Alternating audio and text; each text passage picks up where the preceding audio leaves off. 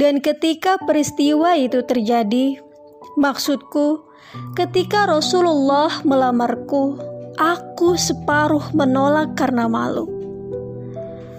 Tetapi wahai Rasulullah, ujarku, aku telah kehilangan masa-masa terbaikku dan aku adalah ibu dari anak yatim. Aku menghela nafas, membiarkan jeda menggantung demi menentramkan hatiku yang gemetar. Lagi pula, aku seorang pencemburu, sedang engkau, hai Rasulullah, telah memiliki lebih dari seorang istri. Tentang usia, jawab beliau, aku lebih tua darimu. Demi Allah, hai Ummu Salamah, engkau baru 25 tahun dan tentang kecemburuanmu, semoga Allah mencabutnya dari hatimu. Dan mengenai anak-anakmu yang yatim, Allah dan Rasulnya akan mengasuh mereka. Nama asliku Hindun binti Abu Umayyah dari Bani Makhzaum. Setelah menikah dengan Abdullah bin Abdul Asad, aku dikaruniai empat orang anak. Salamah, Umar, Zainab, dan Rukoyah. Kami kemudian lebih dikenal dengan panggilan Abu dan Ummu Salamah, ayah dan ibu Salamah. Abu Salamah adalah saudara sesusuan Rasulullah, bukan oleh Halimah dari Bani Sa'ad bin Bakar, melainkan oleh Suwaibah mantan budak Abu Lahab Ketika cahaya Islam terbit di tanah Mekah, kami mengimani Rasulullah kendati itu berarti penyiksaan dari paman kami, Abu Jahal. Kemudian, ketika Rasulullah mengizinkan kami berhijrah bersama-sama rombongan yang lain, termasuk Saudah binti Jam'ah dengan suaminya, Sakran bin Amar, dan juga Ummu Habibah yang masih menjadi istri Ubaidillah bin Jahsy kami berangkat sembunyi-sembunyi, meninggalkan Mekah demi menuju Habasyah. Kira-kira empat tahun kemudian, selepas pemboikatan dibatalkan, kami beserta sebagian yang lain, termasuk Saudah binti Jam'ah pulang ke Mekah. Tetapi kami tidak bisa membiarkan diri kami berada di sana tanpa perlindungan. Abu Jahal tentu akan berlaku sewenang-wenang, sedang tak ada seorang pun dari Bani Makhzom yang bisa dimintai pertolongan. Karena itu, sebelum memasuki wilayah Mekah, kami mengirim pesan kepada Abu Talib atas nama ibuku, Baroh. Saudarimu, wahai paman, tulisnya, berilah kami perlindungan Ketika suku Mahzom mengetahui perlindungan ini, mereka menemui Abi Thalib. Mendelik, engkau telah melindungi keponakanmu Muhammad dari kami, ujar mereka. Tapi mengapa engkau melindungi orang dari suku kami? Dengan lugas Abu Thalib menjawab, dia adalah anak dari saudara perempuanku. Membiarkan jeda menggantung demi memberi penekanan jika aku tidak melindungi anak saudara perempuanku, aku tidak dapat melindungi anak dari saudara lelakiku. Jawaban ini tidak memuaskan, cenderung mengecewakan. Tetapi mereka bisa apa? Abu Talib memiliki hak sebagai kepala suku. Sedang Abu Lahab yang mereka tahu betul sangat memusuhi Rasulullah justru mendukung keputusan ini. Perlindungan yang tak bertahan lama karena selepas Khadijah meninggal, Abu Talib juga meninggal. Kedua-duanya terjadi pada bulan Ramadan. Selama hari-hari itu, Rasulullah kerap bermimpi dikunjungi malaikat yang berkata, "Ini adalah istrimu, bukanlah ia." Beliau menyingkap tabir sutra itu demi mendapati Aisyah berada di dalamnya. Malam berikutnya, mimpi itu datang lagi. Malam selanjutnya, mimpi serupa mampir kembali. Tetapi Rasulullah hanya berkata, "Jika ini berasal dari Allah, maka Dia akan mewujudkannya." Tanpa pernah sekalipun beliau menceritakan mimpi ini kepada siapa pun. Bahkan sahabat terdekatnya seperti Abu Bakar. Sebagaimana Rasulullah enggan menceritakan mimpinya perihal pengganti Khadijah. Para sahabat juga merasa malu untuk mengajukan calon. Menawari Rasulullah untuk menikah kembali. Lagi pula, karisma Khadijah terlampau suci dan hebat sehingga tak ada seorang pun dari kami melainkan merasa rendah diri. Tetapi Kaulah istri Usman bin Maz'un yang dengan suka hati mengurusi rumah tangga Nabi selepas Khadijah meninggal. Pada suatu hari, memberanikan diri mengusulkan, "Tidakkah engkau ingin menikah lagi, wahai Rasulullah?" Siapa yang bisa menggantikan Khadijah, wahai kaulah? Jika engkau menghendaki, wahai Rasulullah, jawabnya, ada yang perawan, dan ada yang janda. Siapa yang perawan? Aisyah putri Abu Bakar. Dan yang janda? Saudah binti Jam'ah. Saudah lebih tua dariku. Usianya 30 tahun ketika itu. Tak lama sepulang dari Habasyah, suaminya meninggal. Kaulah kemudian melamar Saudah binti Jam'ah atas nama Rasulullah. Dan perempuan itu menjawab, Aku melayanimu, wahai Rasulullah. Rasulullah memberinya suatu perintah. Ajukanlah seorang lelaki dari kaummu untuk menjadi wali nikahmu. Hatib, saudara iparnya, yang juga telah kembali dari Habasyah, menjadi wali nikah. 400 dirham sebagai mahar pada bulan Syawal tahun ke-10 semenjak kenabian. Kira-kira sebulan setelah Khadijah meninggal. Beberapa bulan kemudian, Rasulullah menikahi Aisyah. Walaupun baru sebatas akad antara beliau dengan Abu Bakar. Demi memuluskan pernikahan ini, Abu Bakar membujuk Mut'im untuk membatalkan rencana perjodohan Aisyah dengan Jubair bin Mut'im. Laki itu dengan mudah setuju. Alhasil, tak ada seorang pun kaum muslim melainkan bahagia dengan pernikahan ini. Menjadi pelipur lara di tengah perjuangan yang kian memberat.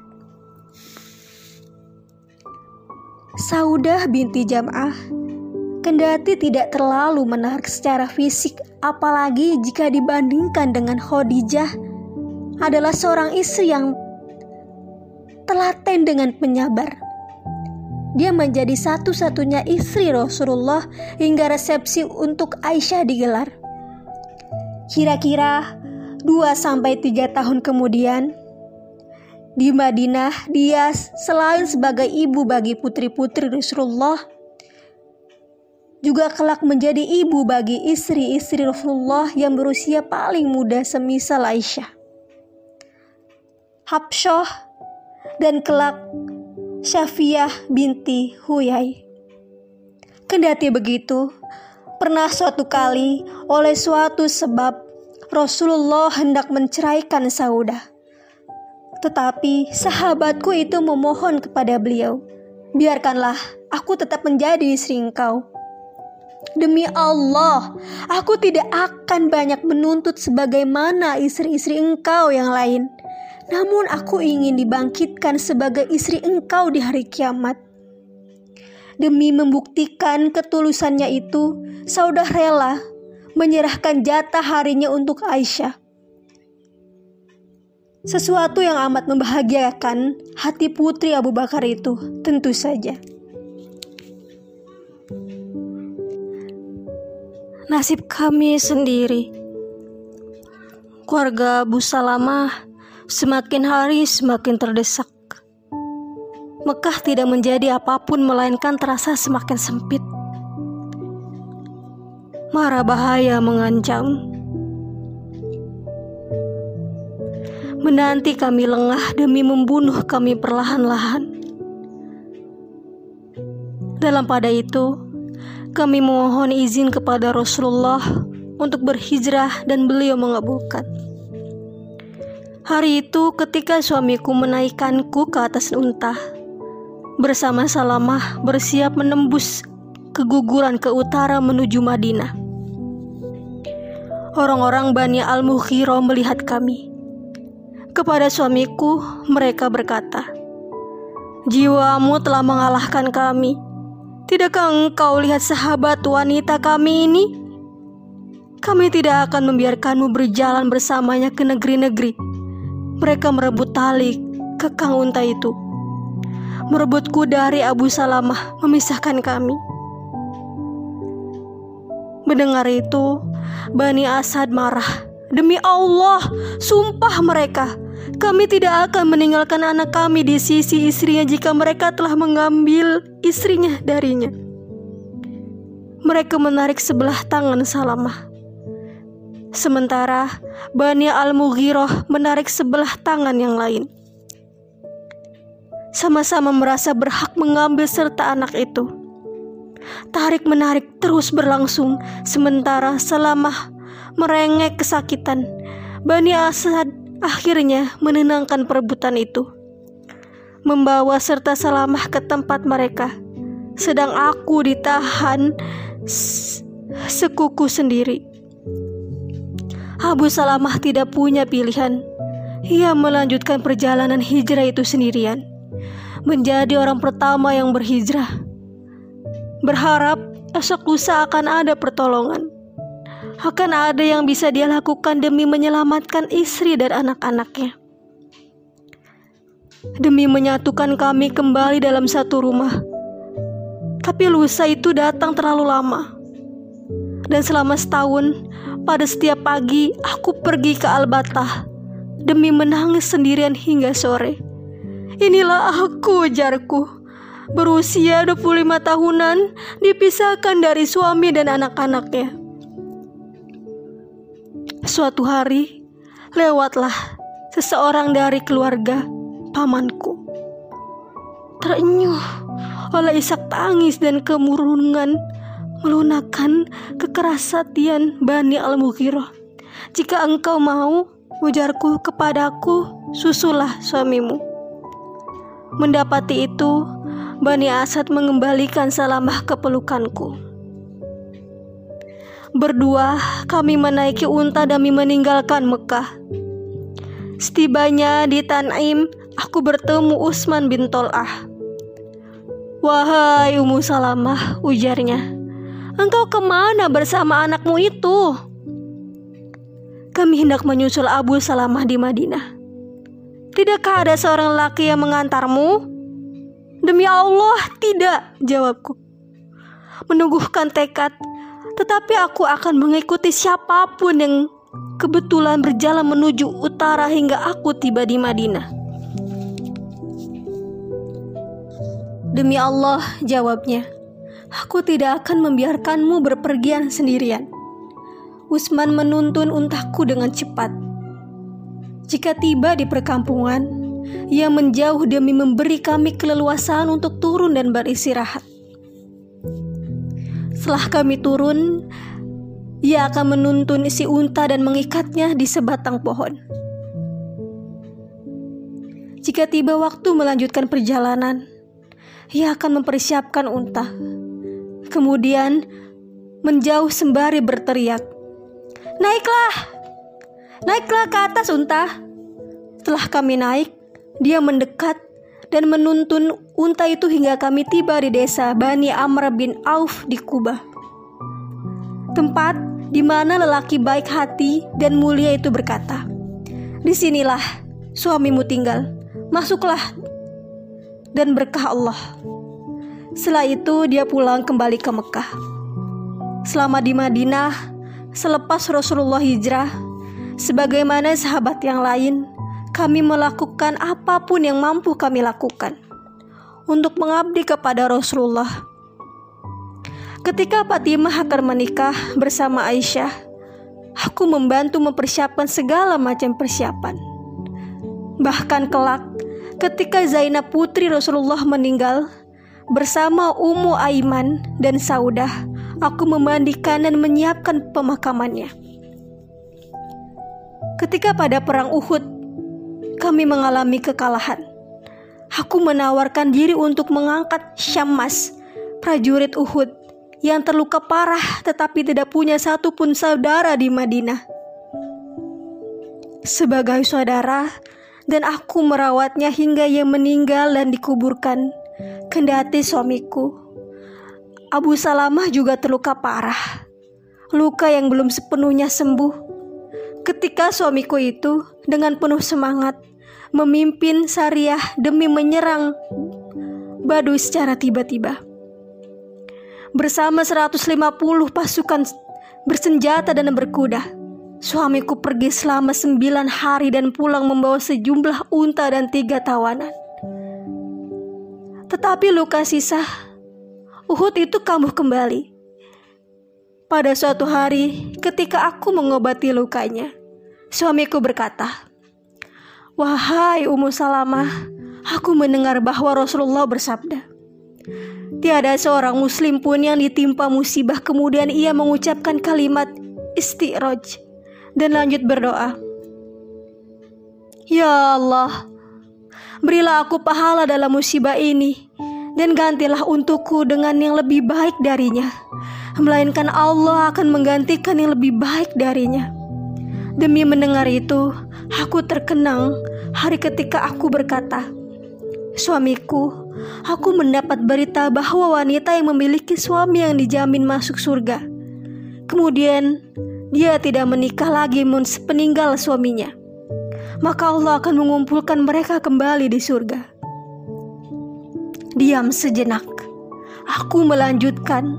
Oleh karena itu, Aku memintamu berjanji agar tidak menikah lagi sepeninggalku dan aku tidak menikah lagi sepeninggalmu. Apakah kamu mentaatiku? Tanyanya. Ya, jawabku. Tanpa ragu. Tetapi suamiku malah berkata, sesuatu yang pada akhirnya menenangkan hatiku. Jika aku mati, maka menikahlah. Dan ia lanjut berdoa, Ya Allah, Berilah Ummu Salamah orang yang lebih baik dariku Yang tidak membuatnya sedih dan tidak menganiayanya Pada suatu pagi Rasulullah datang menjenguk Dan ia menemani saudara sesesuannya itu hingga dia meninggal Dan Rasulullah memujamkan matanya Setelah membaca kalimat istirja Aku terdiam Haruskah aku berdoa sebagaimana doa yang disampaikan suamiku? gantilah untukku dengan yang lebih baik darinya. Tapi siapa yang lebih baik dari suamiku? Bukankah aku berencana tidak akan menikah lagi andai saja Abu Salamah tidak menyuruhku melakukan yang sebaliknya dan bahkan mendoakanku? Jawaban itu terlalu jelas, tetapi aku terlalu malu untuk mengakuinya. Abu Bakar meminangku, tetapi aku dengan halus menolak. Lalu Umar datang dan menawarkan hal yang serupa. Tetapi hatiku tetap tak berkenan. Lalu Rasulullah datang dan selepas menolak malu-malu, aku mengiyakan. Wali nikahku adalah anakku sendiri, Salamah. Berbeda dengan pernikahannya yang sebelum dan sesudahnya, mahar yang diberikan Rasulullah kepadaku adalah kasur yang berisi sabut gelas, mangkuk, dan alat penggiling. Aku menempati rumah bekas mendiang Zainab. Sang ibu orang-orang miskin menjadi kawan bagi Saudah binti Jem'ah, Aisyah dan Hafsyah. Sekuat tenaga menjadi sebaik mungkin pendamping bagi Rasulullah. Ketika pada peristiwa Hudabiyah Orang-orang meragukan perintah Rasulullah untuk bercukur dan menyembelih. Bahkan setelah tiga kali beliau memerintahkan, bukan karena menentang melainkan sepenuhnya bingung karena hal tidak sesuai dengan tradisi Ibrahim. Rasulullah masuk ke tenda dan mengeluh. Aku berkata, "Keluarlah dan jangan bicara kepada siapa pun sampai engkau menyembelih kurbanmu." Rasulullah memandangiku demi menemukan sirat keteguhan dalam hatiku. Beliau mengangguk, keluar dari tenda dan separuh berteriak, Bismillah ya Allah Akbar. Lalu menyembelih hewan kurbannya. Membikin orang buru-buru menyembelih kurban-kurban mereka. Beliau mencukur dan orang-orang tersebut bercukur. Bergemuruh sedemikian rupa sehingga aku cemas kalau-kalau mereka akan terluka. Rasulullah melemparkan potongan rambutnya ke arah pohon mimosa. Dan orang-orang berebut mengambilnya. Kini tanah Hudabiah telah banjir rambut jamaah. Tiba-tiba angin kencang datang menerbangkan seluruh rambut itu ke arah Mekah. Tak ada seorang pun dari kami melainkan bersorak kegirangan. Kini sepenuhnya yakin bahwa ibadah mereka diterima Allah. Giliran ketigaku menemani Rasulullah berperang terjadi pada perang Khaybar. Yang pertama bersama Aisyah dalam perang Khandaq. Yang kedua, masih bersama Aisyah pada penyerbuan Bani Mustalik. Sebelum peristiwa Hudabiyah, kali ini pada perang Khaybar, pasukan muslim mengepung benteng musuh dan selepas berperang dengan sengit, mereka berhasil mendapatkan banyak harta rampasan perang. Tiba di Madinah dengan sukacita penyambutan. Sukacita yang rasanya berkali lipat karena kedatangan Ja'far bin Abu Thalib dan rombongan dari Habasyah, termasuk dari Rasulullah yang ia nikahi melalui perantara An-Najasi Ummu Habibah Ramlah sahabatku. Kepada Ja'far Rasulullah berkata, Aku tidak tahu mana yang lebih membahagiakanku, kedatanganmu ataukah kemenangan Khaybar. Istrinya Asma telah melahirkan tiga anak, Abdullah, Muhammad, dan Aun. Kendati tidak ada seorang pun dari kami istri-istri Rasulullah melainkan tahu perihal pernikahan Nabi dengan Ummu Habibah. Kedatangan putri Abu Sufyan bin Har itu tetap saja menimbulkan sedikit kehebohan, keterkejutan, kami semua telah mengenal Ummu Habibah. Terlebih aku dan Saudah yang menjadi sahabatnya selama di Habasyah. Dulu ketika kami memutuskan untuk pulang, Ummu Habibah memutuskan untuk bertahan. Hingga empat bulan setelah suaminya meninggal, lebih tepatnya pada bulan Muharram 7 Hijriah, Ummu Habibah terbangun ketika mendengar ketukan di pintu. Seorang utusan Najasyi datang demi membenarkan mimpinya selama ini. Mimpi didatangi seseorang yang memanggilnya Ummu Muhminin. Wahai Ummu Habibah, ujarnya, Rasulullah meminangmu melalui raja kami, An-Najasyi. Rasulullah memberinya mahar 400 dirham. Dengan wali nikah Khalid bin Sa'id An-Najasyi mewakili Rasulullah dan keluarga Ja'far dan lain-lain menjadi saksi. Soal itu belum cukup. Sebagai bukti kepatuhan Najasyi kepada Rasulullah, Raja Habasyah itu menggelar pesta pernikahan di istana dan semua muslim diundang. Setelah Ja'far menerima surat dari pamannya yang menyatakan bahwa beliau akan sangat bahagia jika mereka ada di Madinah. Ja'far segera berkemas. Ummu Habibah diputuskan untuk ikut dan Anajashi menyiapkan dua buah kapal di Madinah.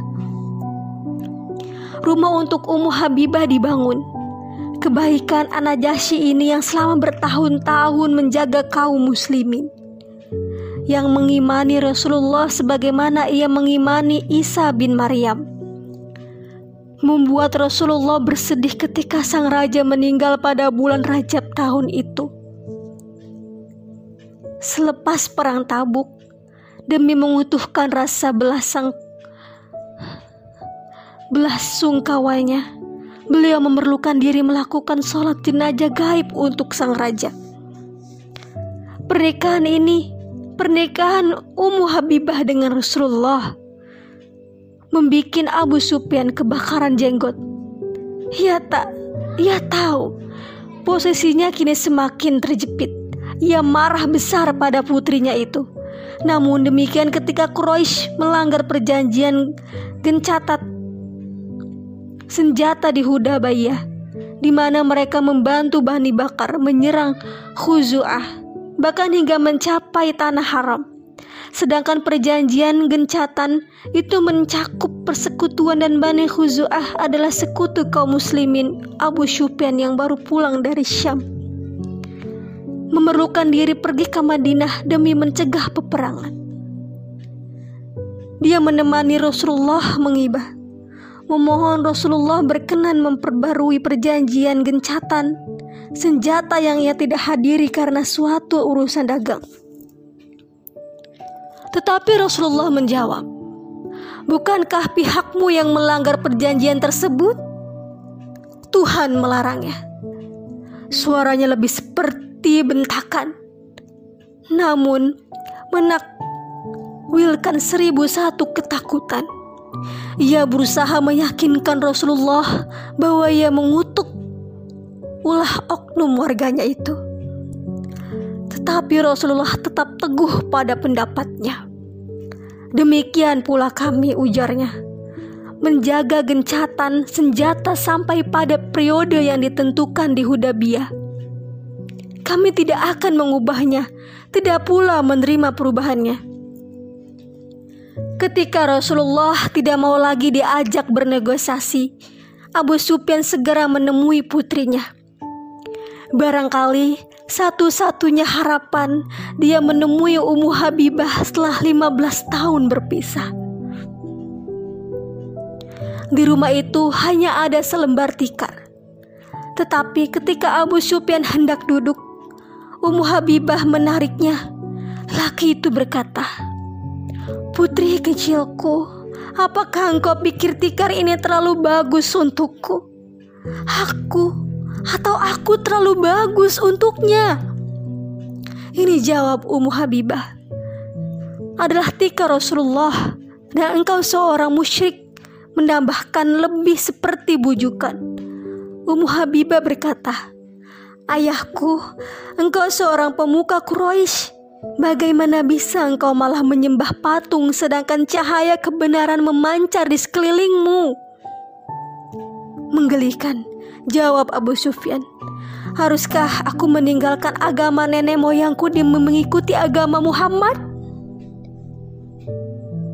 Tetapi segala kebo kehebohan istri-istri Rasulullah perihal Ummu Habibah dengan segera meredah bukan karena mereka telah mampu menerima dan beradaptasi dengan cepat, melainkan karena semata-mata fokus mereka teralih pada seorang tawanan perang yang dinikahi Rasulullah dalam perjalanan pulang.